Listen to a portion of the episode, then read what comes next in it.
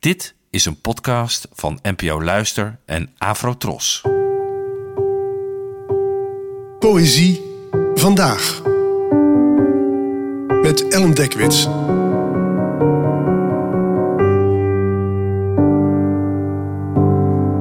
Hallo, fijn dat je luistert. Het gedicht van vandaag werd geschreven door de Amerikaanse dichteres Jade LaSalle. Het geboortejaar is geheim en het werd vertaald door mij. Hierom zijn we bang. Tegen het einde van de herfst heeft de buurman een overvloed aan herten te verwerken. Hij moet een onberispelijk schutter zijn.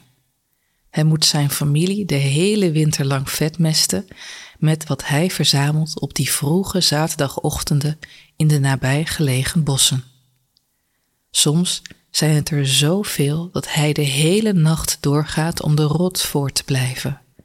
Hij ijsbeert in zijn achtertuin, snijdt en scheert met zijn perfect geslepen gereedschappen, tot het dier is veranderd in een berg nauwkeurig gestapelde biefstukken.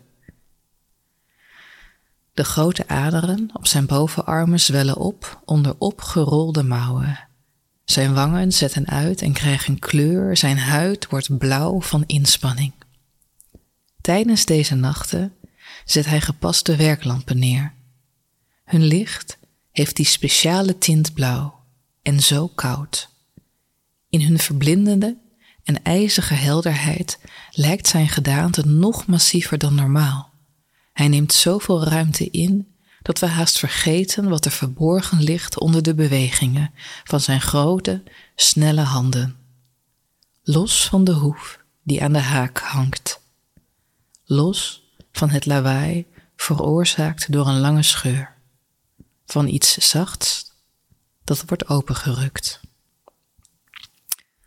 Nu u dit gedicht luistert, zit ik voor onderzoek in Amerika. En dat is een land dat me altijd tegelijkertijd fascineert en beangstigt. En sommigen menen dat alleen een samenleving die op scherp staat geweldige kunst kan voortbrengen. En of dat zo is, weet ik niet. Maar feit is wel dat Amerika de laatste jaren steeds sterker polariseert en de Amerikaanse dichtkunst tegelijkertijd een vogelvlucht heeft genomen. In dit gedicht is een buurman aan het villen. Het jagen is zijn taak, het doden is zijn plicht, het ophakken van dieren volgens het gedicht een recht. Want er is een familie die niet zozeer moet worden gevoed als, zo staat er, vet gemest. En die dichteres beschrijft het tafereel zo dat het wel een scène uit een horrorfilm lijkt. Het blauwe licht maakt van het villen een chirurgische aangelegenheid. De buurman verandert in een potentieel gevaar en de identiteit waar hij recht op meent te hebben, die van jager, van voorvechter van een gezin, weet Lachelle zo in beeld te brengen dat al het geweld dat er aan ten grondslag ligt opeens op de voorgrond treedt.